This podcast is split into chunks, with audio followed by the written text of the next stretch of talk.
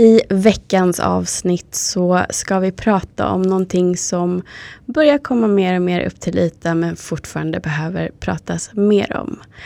Jag har till min hjälp en person som har skrivit en bok som vi kommer prata om.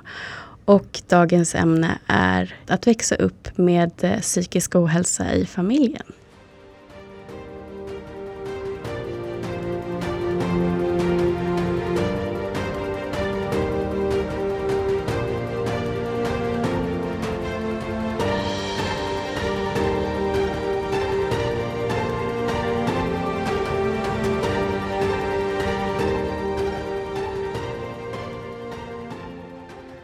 Varmt välkommen Anna.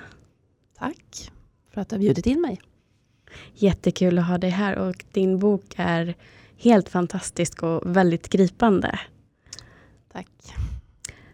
Om du berättar lite grann vad den handlar om. Boken heter Ingen skulle få veta och det är just det som har präglat hela min uppväxt. Eh, att vad som för sig gick bakom den här perfekta ytan som jag växte upp i. Ehm, det var att växa upp med en mamma som led av psykisk ohälsa, men det fick inte visas utåt. Och eh, skam och skuld som var förknippat med det här och hur det präglar, eller har präglat mig och min familj. Mm. En mamma som på ytan var väldigt timid, behaglig, jobbade som barnmorska. Vi bodde i ett fint hus, hade en pappa med bra jobb. Ehm, vi åkte på semestrar, vi ehm, gick på fritidsaktiviteter, vi gjorde allt det här. Mm. Som Normfamiljen, ja. ja. precis. Ja. Ehm, så. Men så hade hon sina depressioner, och sina utbrott. Mm. Som gjorde att eh, det var ständiga suicidförsök. Ständiga utbrott. Eh, men däremellan såklart var det väldigt normalt. Mm. Men det gjorde också att man eh, blev medberoende och fick tassa på tå. Mm. Det jag slås av när jag, när jag läser boken är att just att det var hela tiden en så kallad vanlig vardag där ni levde som alla vi andra har gjort. Men bakom stängda dörrar så var det just det här ständiga anspänningen. Hur, är det en bra dag? Är det en dålig dag? Och just att hon var så känslig för när saker inte blev precis som hon hade planerat det. Då kunde ni känna på er att nu kommer det komma ett utbrott och var kommer det leda någonstans? Mm. Precis, så var det. Och det var ju lite beroende på dagsform. Mm. Såklart var hon också en alldeles vanlig mamma på ett sätt. Och, och kunde vara glad och, och skämtsam. Och, eh, eh, så. Men, men det kunde vara en tavla som hamnade snett eller en renovering som inte gick som det skulle. Eller något som någon hade sagt inom familjen eller utom familjen. Och då kunde hon braka ihop. Och det kunde betyda att hon låg under täcket i ett dygn eller i tre veckor. Eller fick ett utbrott där hon blev en helt annan person, som förbytt. Och aggressiv och våldsam kunde hon också bli. Mm. Eller sprang iväg, rymde hemifrån. Mm. Jag tänker, det här bör boken börjar när du ändå är fyra år. Mm. Eh, Eftersom du då har levt med det från början i stort sett, av så länge man kan komma ihåg som människa. Jag vet att, att hon upplevde dig som jobbig, men jag fick aldrig riktigt intrycket av att du var särskilt utåtagerande som jag kan tänka att det ändå skulle kunna varit mycket, mycket mer. Om man tänker på vilka omständigheter du levde i. Mm. Men eh, vad, vad tror du? Nej, men det, det stämmer som du säger. Mm. Jag var ett, ett vanligt livligt barn. Mm. Eh, inte speciellt utåtagerande. Men det är klart när det är ständiga oroligheter i hemmet och ens mamma är inlagd och ligger på psyket till och från under åtta månader. Som det var faktiskt under mitt tredje, fjärde mm. år. Eh, det är klart att då kan man ju bli kanske ledsen och lite extra utåtagerande. Men, men hon var ju också en känslig person som inte klarade så mycket påfrestningar. Och att då ha en treåring och en sexåring det kan ju bli övermäktigt ibland när man dessutom inte mår bra psykiskt. Mm.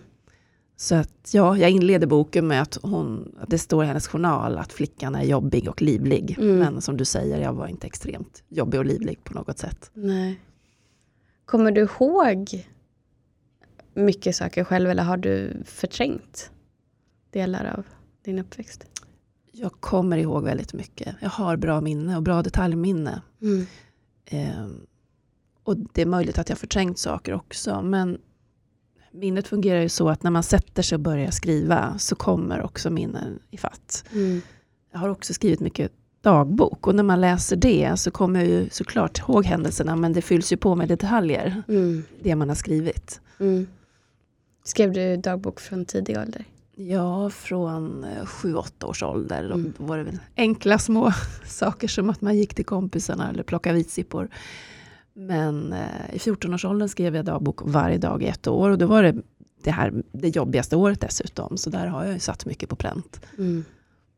Det kanske också kan ha hjälpt dig mycket tänker jag eftersom jag vet att generellt när man genomgår svåra händelser eller att det är svåra relationer på olika sätt så är det väldigt terapeutiskt att få skriva ner det som händer. Och få göra det för hand också, inte skriva på en dator utan för hand. Precis. Ja. Jo, men det har det gjort. Det, har ju, det blir ju som en vän, närmaste Mm. vän som man skriver till och får det ur sig. Har du använt dig av böckerna, eller dagböckerna när du ska skriva boken också? Ja, det har jag gjort. Dels för att gå tillbaka och minnas och se sammanhang. Och vad, vad föranledde den här händelsen? För jag kanske kommer ihåg starten på någon, Mm. något utbrott eller slutet. Ehm, och, där, och, dessutom har jag använt utdrag ur dagböckerna i boken. Mm. Ja, jag tänkte så mycket på min egen uppväxt också. Skrivit mycket dagböcker och jag hade också många brevvänner. Ehm, men just att det kändes lite som att jag liksom läste om dig som att vi hade varit avlägsna grannar. Och att jag hade sett, säkert inte sett vad som hade hänt om jag inte hade känt dig. Och trott kanske att vi hade varit mer lika men ändå att det här var så, så stor sak som pågick i ditt liv där. Ja, det, du har rätt. Det är, ja, jag dolde ju allt, till, även för mina närmaste vänner som var hemma hos mig ibland. Och de, är ju, de och deras föräldrar är ju helt chockade nu när jag har gett ut den här boken. När de förstår vad som faktiskt för sig gick innanför, våra, Mm. och innanför vår fasad. Så att säga. Mm. Eh, De hade inte kunnat ana. De, efter ett tag så började väl föräldrarna förstå att, att mamma hade svaga nerver. Det var ju så man uttryckte det på den tiden, Mm. på 70 och 80-talet när jag växte upp. Men att det var så här illa, det eh, hade de aldrig ens kunnat drömma om. Mm. Så jag har lyckats att dölja väldigt väl här, vad som hände under ytan. Men det gjorde ni allihopa som jag förstår det. Det gjorde vi. Att ni var alla så pass medberoende att det var, och framförallt eh, jag kan tänka att din pappa visade hur han gjorde och då gjorde ni likadant. Ja. Och på den tiden ska man komma ihåg så var det otroligt eh, stigmatiserat Mm. det här med psykisk ohälsa. Ja, gud, det var ju en, en sjukdom som man inte fick ha på något sätt. Och fick Mm. absolut inte tala om den. Eh, det var väldigt skamfyllt. Ehm, och eh, min mamma ville heller inte att det skulle komma ut till några. Eh, inte till hennes arbetskompisar på sjukhuset. Eh, så hon förbjöd ju min pappa och min mormor ofta att ta henne till, till sjukhuset även om det behövdes. Mm. Eh, och eh, då, när det är sånt, i, när, samhället, när det är så i samhället att det är tabu, Mm. då, då, kan, då gör man ju inte något annat som barn. Då går man inte emot det, utan då, då faller man in i det beteendet också. Mm. Och det gjorde ju också att jag trodde att det bara var vi i hela världen som hade det så här. Vi var jättekonstiga. Och tänk om det här skulle komma ut. Och du vet som barn, då vill man ju vara precis som alla andra. Man vill ha samma kläder, samma färger. Man vill säga, göra likadant. Även om det gäller bara en aktivitet eller ett par jeans som ska vara utsvängda och inte tvärtom. Mm. Och att då ha en mamma som är så här. Det finns ju inte på kartan att man ska knysta någonting om det. Mm. Nej, men det, det är fortfarande till viss del stor stigma att leva med en förälder som har problem på något sätt. Det är likadant när det gäller missbruk. Och jag tänker också att den här medelklass eller över med, övre medelklassfamiljen och hö, alltså överklassfamiljer har också någon typ av yttre press att sånt här pratar man inte om ens sinsemellan och det, det blir liksom någon, någon stor press att den här vackra fasaden måste till, all, till varje pris upprätthållas. Eh, medan vi vet också att den pressen bidrar ju ännu mer till att det blir psykisk ohälsa i familjen. För att det finns ingen att prata med. Det går inte att eh, hitta samhörighet med andra som är i samma situation. Och, och, därför så är det också så viktigt att vi pratar ännu mer om det. Oavsett vad det är för typ av psykisk ohälsa eller missbruk inom de här fyra väggarna vi bor i. Precis. Och kanske ännu mer i de miljöerna som du nämner där. Mm. Eh, för att det är ännu mer yta som gäller mm. i sådana eh, sammanhang. Och som sagt, det är inte bara psykisk ohälsa, det kan vara alkoholism eller tablettmissbruk eller, eller så. Mm. Jag tror att vi sitter, många barn sitter i, i, samma båt där oavsett vilket problem föräldern har där. Eh, jag tänker att det, det är därför du har skrivit boken också. Stämmer det? Ja, ja. det gör det. Jag eh, vurmar väldigt mycket för barnen som jag tycker kommer i kläm av det här. Och jag vill att stigmat kring psykisk ohälsa ska lyftas. Och det är det jag vill bidra med. Eh, tillsammans med många andra såklart, men med den här boken. Att, att eh, berätta min, min berättelse. Mm. Och eh, när du växer upp då med den här typen av psykisk ohälsa så nära inpå och ni pratar inte om det. Men sen så är det ju så att hon ändå gick bort i suicid i dina tonår. Ja, det stämmer. När jag var 17 och ett halvt år mm. så dog hon i, i suicid. Mm. Hur förändrades livet efter det? Jag ska säga att hon har försökt begå suicid väldigt många gånger. Jag har sett det med egna ögon eh, vid olika tillfällen på olika sätt. Vi har alltid fruktat att det skulle hända. Och på något sätt så tror man att man kanske vänjer sig vid tanken. Det är klart man har tänkt tanken vad skulle hända om hon gjorde det. Men det är ju så stor och skrämmande tanke. Mm. Eh, att man inte riktigt törs tänka den ända ut. Och sen när det väl blev verklighet så ja, det är svårt att beskriva. Det, det går ju inte att föreställa sig. Det är fruktansvärt på flera sätt. Man mister en kär förälder som mm. det trots allt är. Mm.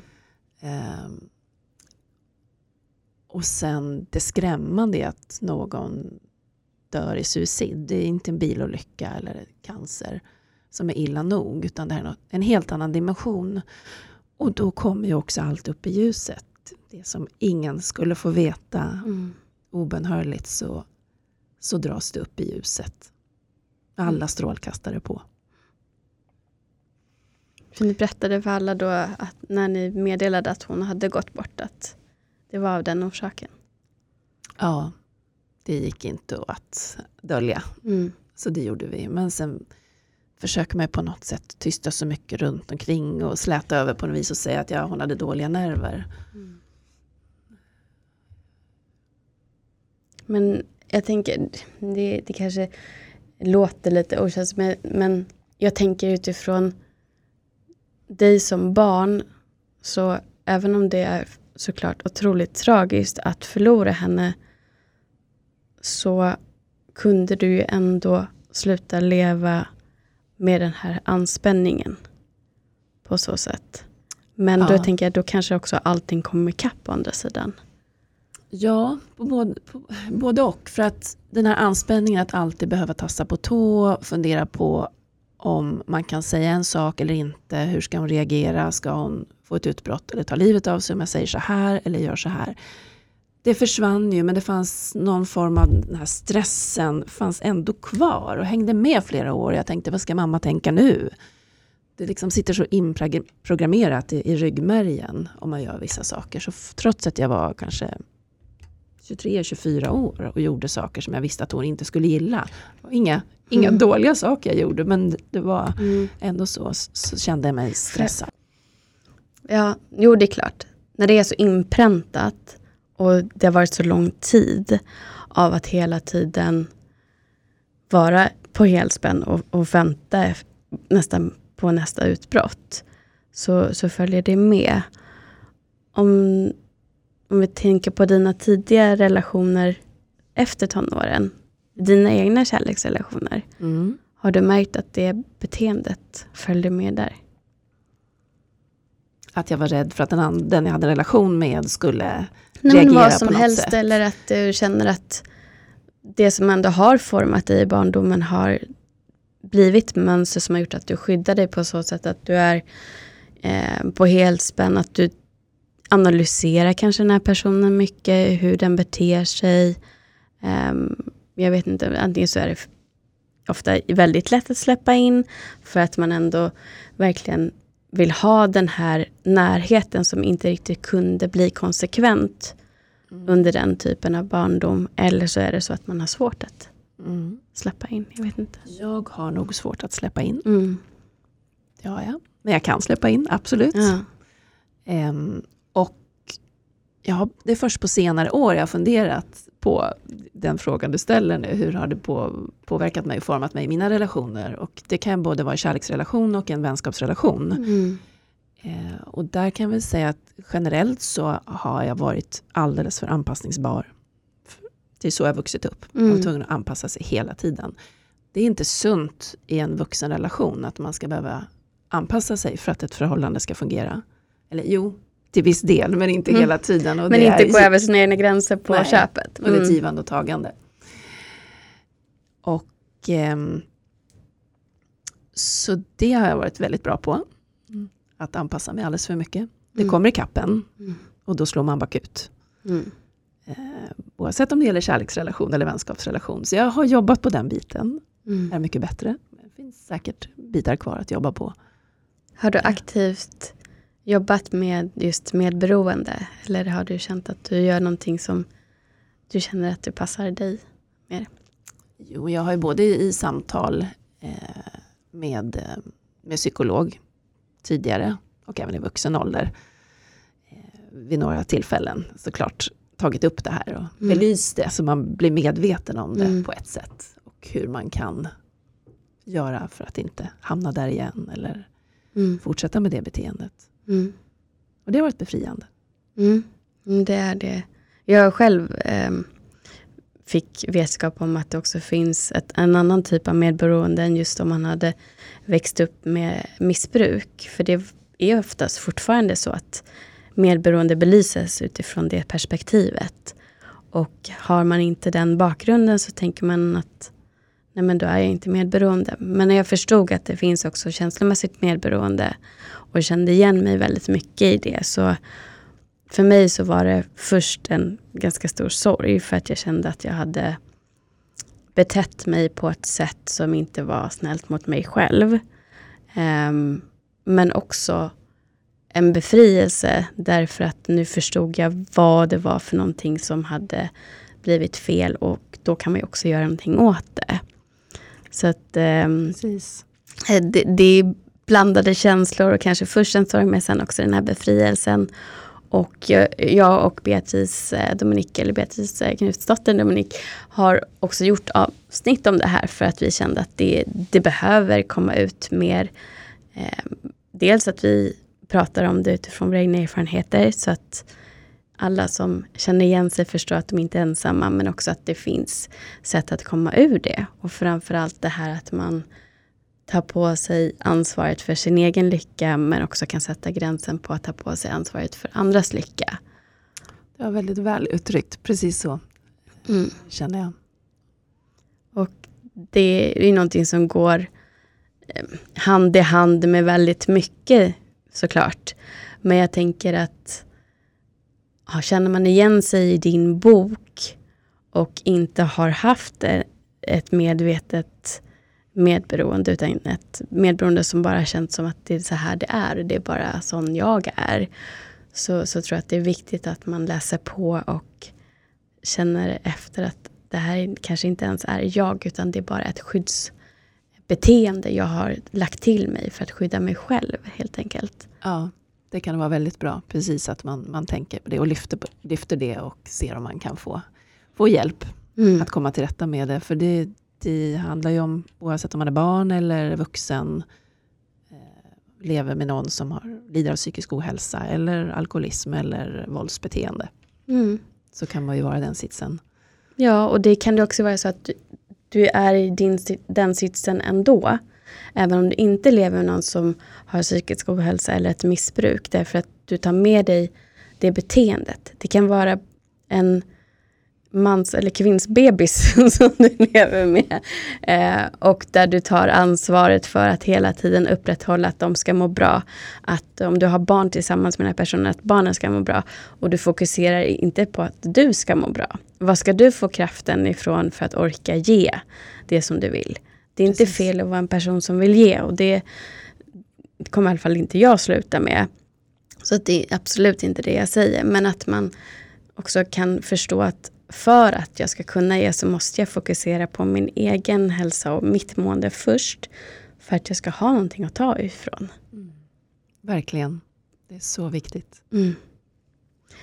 Vad, vad är det för någonting som du känner att du ändå har tagit med dig som har ändå gett dig någonting, en större förståelse och var, var någonstans har du ändå fått kraften till att vilja nå ut med ditt budskap? Jag började gå en skrivarkurs för tio år sedan. Tänkte jag vill skriva en bok. Ja, då behöver jag gå en skrivarkurs. Jag hade ett sabbatsår och hade möjligheten att göra det. Och eh, började skriva en helt annan bok, en feel good story. Och gick ytterligare skrivarkurser. Och så fick vi en övning en dag med temat Beskriv en helt vanlig fredagskväll där något oväntat händer. Och då dök öppningsscenen i min bok upp i mitt huvud. Jag gick i nian, vi satt och hade en trevlig fredagsmiddag med familjen. Eh, där jag säger något som utlöser min mammas ilska. Hon får ett utbrott, springer ut och eh, försöker sedan hänga sig i våran gungställning på baksidan. Det liksom bara rann ut genom mig, ut uh, genom mina fingrar och mm. ner på tangentbordet och blev den här scenen som grep min lärare och mina kursare eh, ordentligt. Och de sa, vi vill läsa mer. Jag skrev inte, sa inte att det handlade om min uppväxt, men det kanske man kunde förstå. Så jag fortsatte skriva flera scener. Och till slut så sa min lärare, Anna det här skulle kunna bli en bok som skulle kunna hjälpa många. Mm. Och det var en svindlande tanke för att jag hade inte en, en tanke på att jag skulle blotta det här för hela Sverige eller världen. Mm. Eller ens mina närmaste vänner.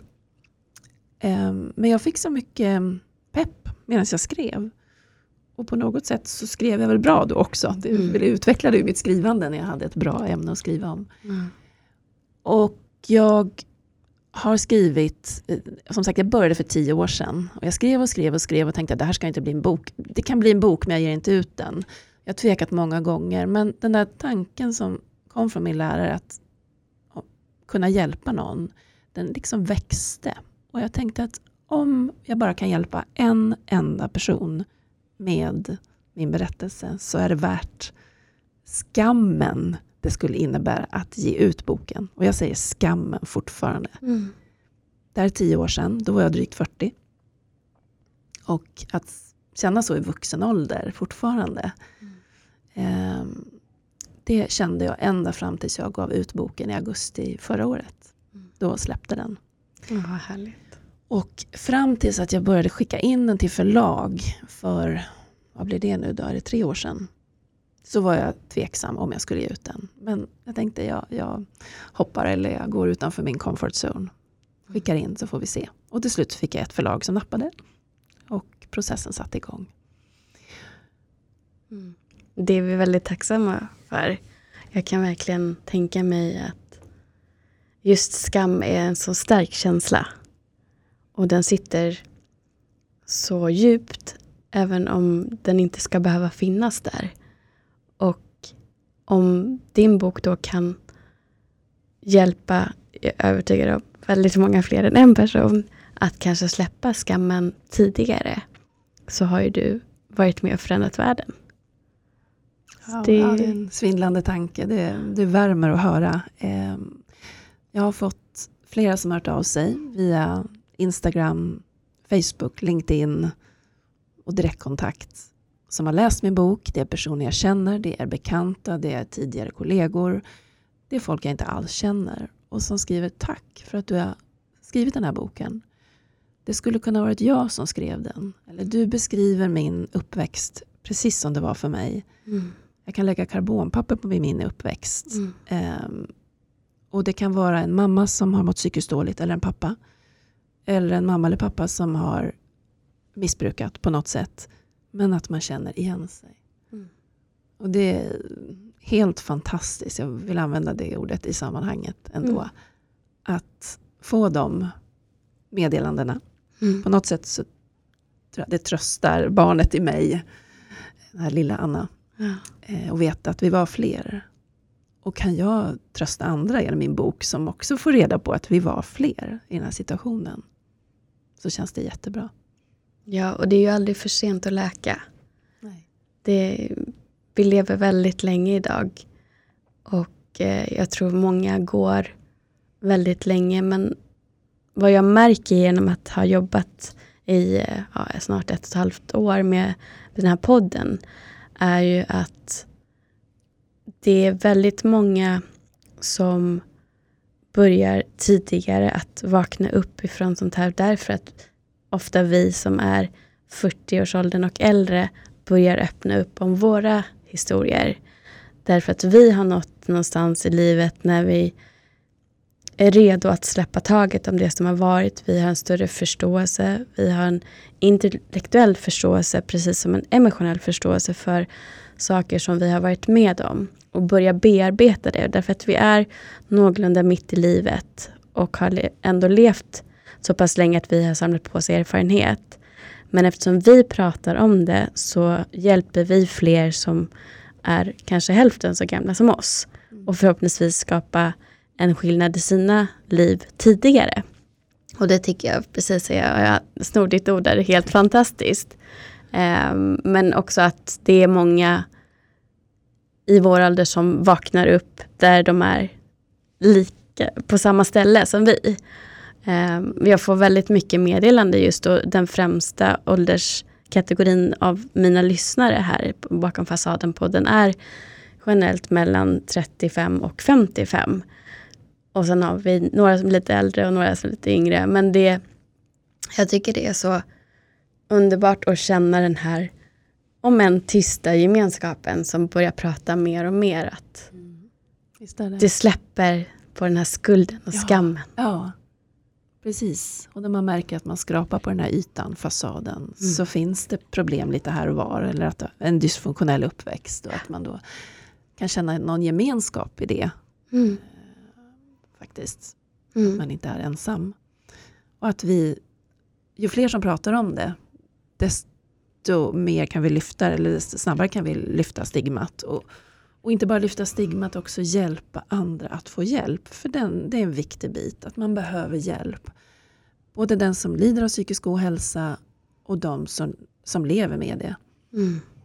Eh, det är, jag önskar att vi hade fått mer hjälp att man eh, var mer, vågade vara mer obekväm och eh, liksom tvinga oss att få hjälp. Men min mamma ville inte ha hjälp. Hon jobbade inom sjukvården och ville inte att det skulle sprida sig. För hon sa, det vet man hur det pratas. Mm. Eh, jag vet inte om det är så. Eh, hon sa det. Och ville inte att det skulle i alla fall riskera att spridas till hennes eh, kollegor. Att hon ibland behövde vara inlagd på psyket. Eller äta antidepressiva. Men hon åt väldigt lite antidepressiva. Hon fick ingen diagnos. Det kan ha varit bipolaritet. Mm. Och det finns ju bra medicinering idag och bra behandlingar för det. Jag mm. önskar att hon hade kunnat få det.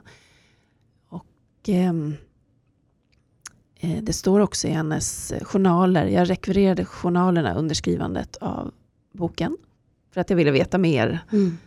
Och då har en läkare skrivit att eh, familj i rejäl kris kan nog behövas terapi här. Mm. Men det var ingen som följde upp, vi fick ingen terapi. Och där vet jag att det har blivit bättre. Mm. Det vet jag. Men man kan göra mycket mer. Som eh, jag tänker lärare, eh, kanske de som först kommer i kontakt med barn, Mm. dagispersonal, Mm. grannar, kompisars föräldrar. Mm. Om ni ser något som inte verkar riktigt stämma eh, och ni, någon tanke börjar gro, oftast har den ju en, en, eh, en grund. Mm. Så att, eh, skrapa lite, undersök lite, fråga, ställ frågor. Mm. Våga vara lite obekväm. Mm. Och eh, som sagt, det kan vara en familjevän, det kan vara en terapeut, en dagisfröken eller lärare som, som faktiskt tar sig tid med de här barnen. Eh, och luska Mm. lite. Eller med de vuxna Ja. såklart. Och jag tänker att det kan ju också vara hjälpsamt om man märker, om man pratar då med ett barn, att de vill inte att andra ska veta. Då kanske man, om man känner att man har kapaciteten, ändå kan erbjuda sig att vara samtalspartner till barnet. Att, som du också skrev i boken, att det var någon som sa till dig att du kan alltid prata med mig. Jag tror det är i alla fall en början för det här barnet att få lära sig att det är okej att prata om det. Ja, Och också att det känns bra att få prata om det. precis. Få en ventil någonstans och få bekräftelse på att det inte är fel på en själv. Mm. Att man inte som barn ska kä- känna någon skam och skuld. Den är jätteviktig. Och sen också kanske i ett, andra skede. Eller när, man pratar om någonting och, och får bolla det med någon så kan man ju också förstå hur dysfunktionellt det är. Det blev ju ett normalläge för mig. Så att det är Mm. först i vuxen ålder och när jag skrev boken som jag insåg riktigt hur dysfunktionellt min uppväxt hade varit. Mm. Eh, och som sagt i förlängningen också att, att få hjälp Mm. kan det leda till. Precis, och jag tänker så här, har man ändå haft någon att prata med som liten och vet att det hjälpte mig mycket så kanske steget att ta hjälp i form av en terapeut när man blir lite äldre inte är lika långt. Nej. Det, man vet att det där hjälpte mig och sen så vet ju jag själv också personligen att det kan ta lite tid att hitta rätt person att prata med. Man ska ju känna förtroende för den personen framför allt. Och att den stilen av terapi som man går i ska fungera. Men att man ändå vågar ta kontakten. Ja. För där är ju ändå en, en stor eh, bit av läkningen. Precis. Det är inget farligt att ta Mm. hjälp. Tvärtom, det är vad man behöver för man klarar inte själv. Nej, vi är inte skapta för det heller. Nej. Vi, vi ska inte hålla tyst om sådana här saker. Och vi är flockdjur som ska hjälpa varandra. Och eh, inget barn eller vuxen ska behöva leva med att stänga bort allting. Och jag vet att du sa att nu att du mindes mycket men det finns ju också de som tränger bort allting och går med stora minnesluckor och behöver få hjälp att känna sig trygg igen. Ja. För att släppa fram det. ja, Framförallt hitta, hitta tryggheten igen. precis. Det stämmer. Jag tänker, man- bryter man ett ben eller eh, stukar en fot eller så, då går man ju självklart till läkaren och Mm. blir omplåstrad. Jag vill att det ska vara samma sak med psykisk ohälsa. Exakt. Avicii ehm, och hela hans historia och att nu Globen här i Stockholm har bytt namn till Avicii Arena är också ett underbart steg framåt till att vi lyfter ämnet ännu mer. Visst är det. Jag ryser när du säger det. Ja. det är, ja, han, tyvärr så hjälper hans bortgång Mm. till att lyfta ämnet. Väldigt tragiskt att det skulle behövas. Mm. Men på så sätt så lever han ju också vidare. Det finns något fint mitt i allt det tragiska. Mm. Absolut. För vi glömmer ju aldrig de här människorna som har blivit offer för sin psykiska ohälsa. Ehm, De lever ju vidare och ju mer vi pratar om dem och också skapar mer förståelse. För att jag tänker att det som har gjort och bidragit till tystnadskulturen är också framförallt otroligt mycket okunskap. Ja. Att man inte känner till vad, vad är det? Vad är det som händer egentligen i en person som mår så? Vad beror det på? Vad är bipolaritet? Och ja, alla de, de här andra diagnoserna som ändå faktiskt går att eh, behandla. Kanske inte fanns eh, samma kunskap ens inom läkarvården på den tiden när Nej. du växte upp. Men idag, alltså, idag finns det ju ändå det att jag, jag tänker när ändå liksom våra föräldrars generationer och våra föräldrar har växt upp med ännu mer okunskap och stigma. Att det var bara att var det någon som hade psykiskt sjukt, då var de galna och då sattes på mentalsjukhus. Men det är, det är människor som vem som helst. Ja. Det, det är en av oss som sitter där. Ja, precis.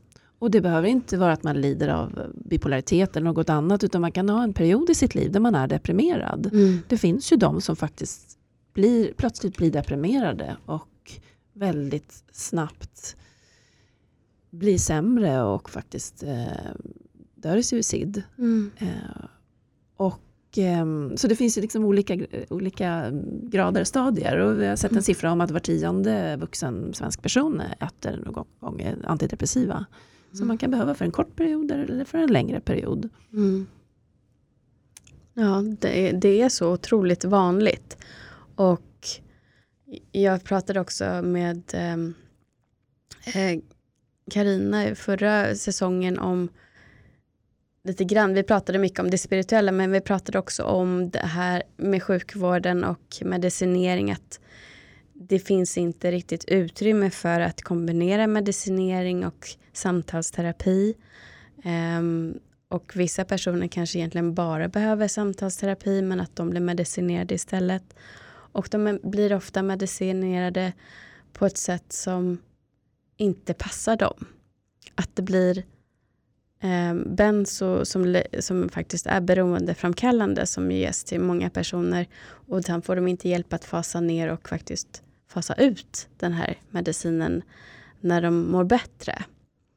Så att det, det behövs fortfarande mycket mer kunskap och också samarbete olika instanser emellan.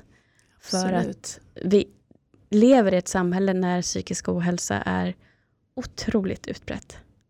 Ja, så är det. Mm. Tyvärr. Så att eh, det behöver spridas kunskap eh, i flera skikt. Mm. Och eh, läggas resurser på det inom sjukvården skulle jag också vilja säga.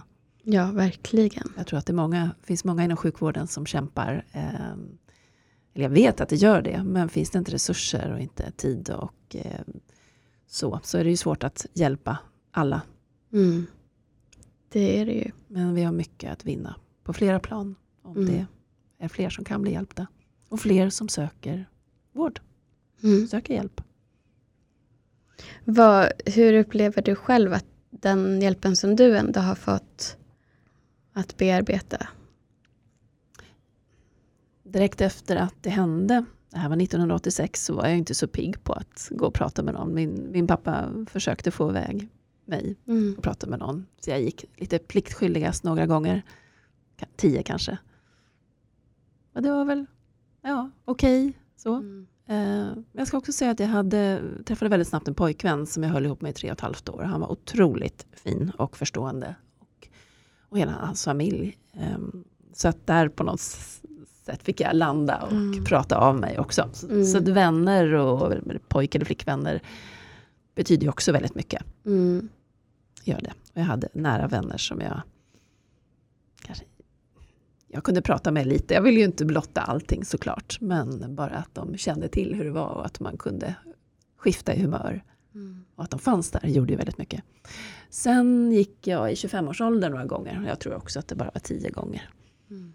Så sen, sen går ju åren och, och, tiden läker till viss del. Och jag tyckte att jag hade bearbetat allt. Jag var klar.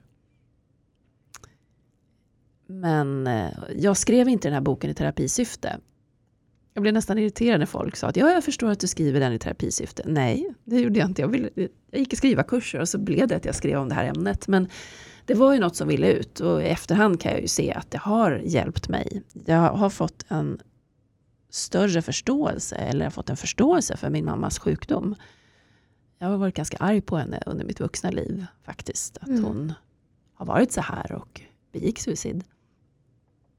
Men någonstans är det en sjukdom som man inte kan rå för. Och där man gör många saker som man inte alltid kan rå för eller som är svåra att styra. Mm. Så ja, på något sätt hjälper det att skriva också och få det ur sig. Och mm. att prata om det, mm. även i vuxen ålder, så här 35 år senare. Ja, jag tror att min erfarenhet och det jag ändå har lärt mig är att livet rullar på. Men där glömmer man ofta att det inre barnet behöver fortfarande få, få läka där den är. Så är det någonting som händer dig som du minns tydligt är när du är åtta, säger vi. Så kommer den saken ligga kvar. Den händelsen kommer ligga kvar hos dig. Och du kommer reagera på den igen igen. Även om du är vuxen. Men du kanske inte förstår det rent kognitivt. Men du reagerar på samma sak tills det blir att det här innebarnet skriker tillräckligt högt för att du ska förstå att det här är ett upprepande mönster. Och när man börjar grotta i det i terapin, för mig har det varit väldigt tydligt att varje gång så hittar jag en händelse i barndomen. När det är någonting. Eller i tonåren. Min inre tonåring är väldigt... hon har behövt väldigt mycket bearbetning. Eh, och också ung vuxen. Så att man kan uppleva det som att man har läkt och bearbetat saker. Och det har jag också gjort. Jag vet precis hur man känner och, och tycker. För att det är ingenting som påminner. Man kanske inte får en stark känsla som man direkt kopplar till det som har skett tidigare i livet. Men det ligger fortfarande där. Och för mig i alla fall, jag kan ju bara tala för mig själv, så har det varit otroligt läkande att gå tillbaka och sitta i vad ska man säga, lite samtal eller bara en lätt meditation eller att man visualiserar att man sitter med sitt inre barn. Om en bra terapeut, terapeut får det att se liksom, om det här hände kanske när du var fem eller tio eller när du är.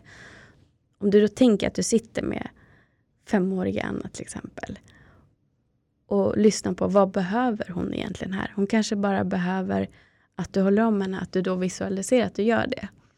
Det är så otroligt läkande att göra sådana övningar för att det är som att du på något sätt knyter ihop små säckar längs med livets gång.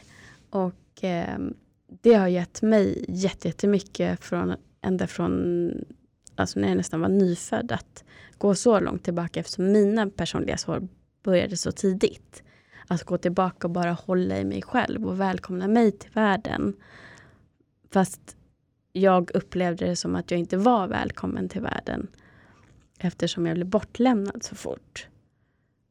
Um, var någonting som jag varit totalt omedveten om upp till 40-årsåldern. Jag tänkte, nej men där kommer man inte ihåg någonting. Eller det där kan jag inte ha någonting med. Jag hade inte ens nuddat vid tanken. Men sen när jag får den lagd mig så, och man märker reaktionen inuti. Okej, okay, där satt det någonting som behövde bli lyft. Och ett litet barn som behöver bli hört av mig själv. Mm. Så det, ja, det rekommenderar jag verkligen. Ja, det var en väldigt bra rekommendation. Jag hör att du har jobbat med det, ja. med den biten. Eh, det har inte jag på samma sätt.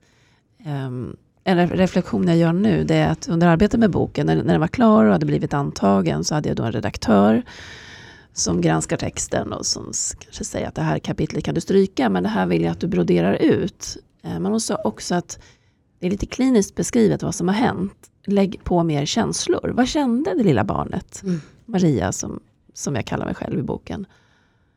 Då blev det svårt. Mm. Då, skulle jag, då fick jag verkligen gå tillbaka och gå in i mig själv ännu mer. Men vad kände jag då när jag var tre år och mamma stängde in sig på toaletten eller försvann och inte, vara, inte bodde hemma på månader. Eller när jag var åtta år eller 16 år och så vidare. Mm. Och där har jag, har jag fått jobba med, ja, hur kände jag då eller hur tror jag att jag kände? Så där har jag nog... Det är så jag menar. Mm. Ja, precis. Där har jag nog stängt till om de känslorna, mm förmodligen. Mm. Ja, men man får inte glömma heller att man stänger ju inte till eller utvecklar andra typer av skyddsstrategier för att skada sig själv, utan tvärtom för att skydda sig själv. Men de här strategierna tjänar väldigt sällan vuxenjaget.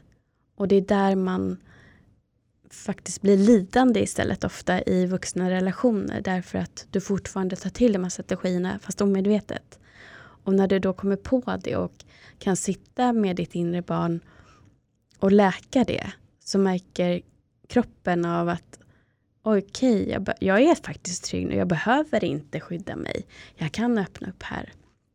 Och då så småningom så leder det till att man får ett större djup och har lättare kanske att släppa in eller att inte springa in oavsett vad det är för strategi man har. Det finns ju både och. Nu tänker jag som jag alltid gör på de här otrygga anknytningstyperna. Men det skiljer sig så mycket från individen och man kan också ha tagit strategier från båda de otrygga anknytningstyperna beroende på var någonstans det är. Om till exempel i, i relationer med vänner kanske man har en typ och med kärlekspartner har man en annan.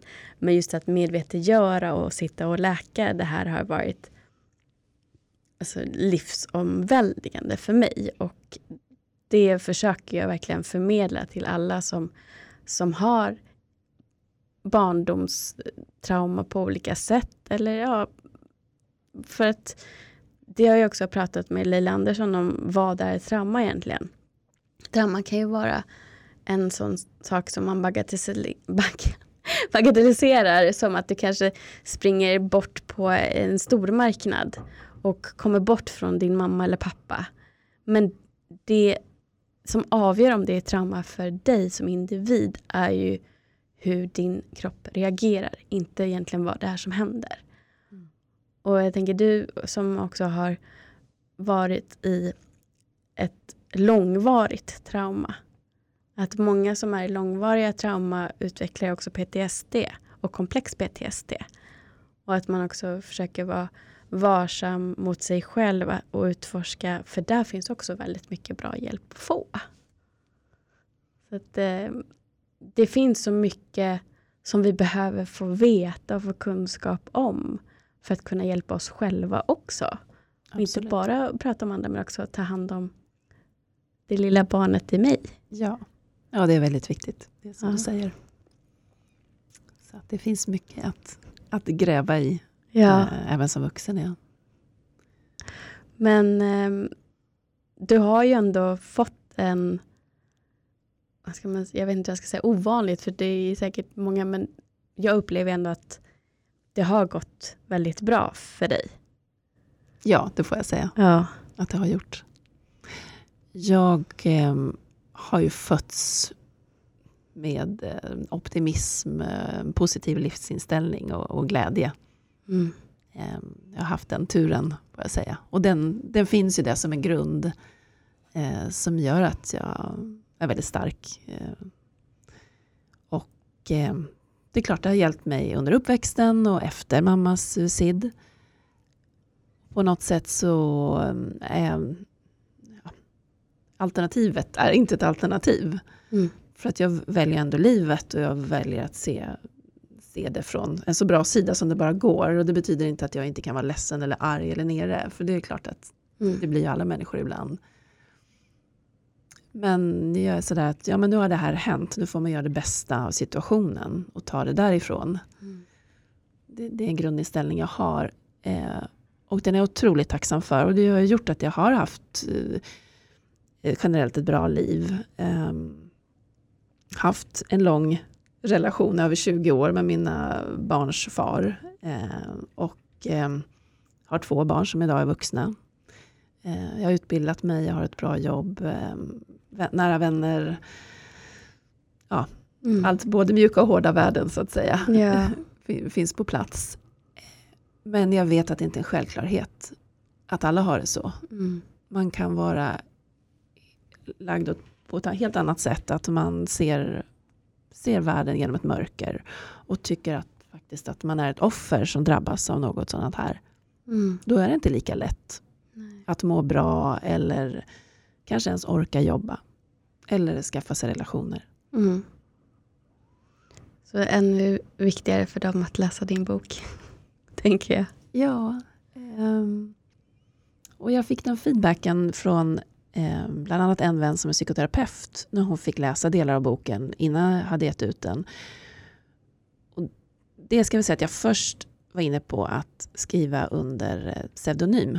Mm. Just för att inte ville blotta vem jag är och så. Men då sa hon, men Anna, om du skriver under pseudonym, då låter du skammen behålla sitt grepp om dig. Ja. Dessutom så sa hon att skriv lite hur det har gått för dig. Visa vem, våga visa vem du är. Och vara en förebild faktiskt att för de som har det tufft Mm. eh, nu och kanske, kanske är barn eller yngre, unga vuxna. Att det inte behöver gå åt eh, pipan för att man är, har en, en förälder ja, eller har en dysfunktionell uppväxt. Mm. Mm. Säga så. Mm. Eh, liksom, våga visa eh, att det har gått bra också. Ja. Och då tänker jag att ja, det kan inge hopp hos någon eller några. ja, precis. Så det är ju det jättebra. Så det, Vara en förebild helt enkelt. Som man kan relatera till också. Och inte känna att jag kan inte relatera till de som inte har den här bakgrunden. Utan där, det är jätteviktigt. Och jag tänker på alla de här som engagerar sig i maskrosbarn till exempel. Vilket jobb Ja. de gör. Och, ja. Och där också hoppas jag att de kan lyfta fram din bok. Och att de kan få läsa den. Ja. Jo, det, jo, jag hoppas såklart att, det, att den når ut till många och, eh, och, och speciellt de som behöver det.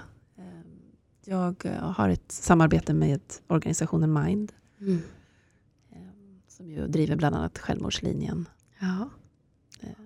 Så att det känns bra kunna vara med på ett hörn på något sätt och nå ut med berättelsen där också.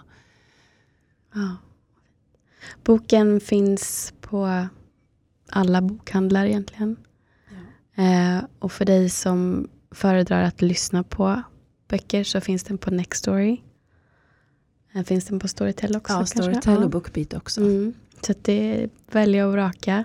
Och e-bok finns den också som. Ja, precis. Det kom ut som e-bok i torsdags. Och, Då gör jag helt enkelt så att om ni klickar på beskrivningen till det här avsnittet så kommer ni hitta lite länkar. Och sen eh, går ju under bara Google säkert att hjälpa dig med det också. Ehm, kommer det bli några fler böcker tror du? ja, det kommer det. Jag har skrivit ytterligare en bok, men det är på ett helt annat ämne. Det är en feel good story Ja. eh, som eh, jag ska omarbeta lite här nu och se om eh, kan bli antagen. Mm. Planen är att skriva fler böcker i den serien. Jag har ingen direkt plan på uppföljare till Ingen skulle veta just nu, men det är inte omöjligt eh, när den har landat och sjunkit, i, sjunkit in Mm. ett tag att det blir på det temat på något sätt i framtiden. Men eh, skriva kommer jag absolut fortsätta göra. Det, det är en del av mitt liv. Det glädjer mig. Det var väldigt, jag har alltid läst väldigt, väldigt mycket böcker sen jag var liten flicka och eh, det här var en bok som jag inte kunde lägga ifrån mig. Det är ett väldigt gott betyg. Eh, så att jag, jag läser gärna fiction alltså också och skönlitteratur från dig. Ja, roligt Så att jag ser jättemycket fram. Tack. Kanske en eh, fiktiv fortsättning på, där det bara blandar in lite. Mm. Absolut, på det kan det vara. Och man kan ju även skriva en feel good bok eller en sån fiktiv story men väver in vissa saker för det är en del av livet. Mm. Även om inte allt behöver handla om psykisk ohälsa men faktiskt lyfta det i, i vardagsdelar också. Exakt. Det, det blir en, en liten verklighetsflykt där du ändå känner dig berikad och stärkt när du känner igen dig. Att läsa en sån bok. Ja. Tack så jättemycket Anna för att du har varit här idag. Tack för att jag fick komma. Och för att du har varit så modig och gått emot skammen och skrivit den här boken. Tack. Som jag har nämnt tidigare för dig som lyssnar idag och känner igen dig så gå till beskrivningen så hittar du länkar till var du kan hitta Annas bok. Och eh, är det så att du känner att du behöver prata med någon så kommer jag även länka till olika organisationer där du kan nå någon att prata med helt anonymt om du inte känner för att prata med någon som du har i din närhet. Men har du någon i din närhet som du känner dig trygg att prata med så gör det. Det är ingenting fel med att prata om det som händer hemma hos dig eller inom dig. Tills vi hörs nästa gång, ta hand om dig.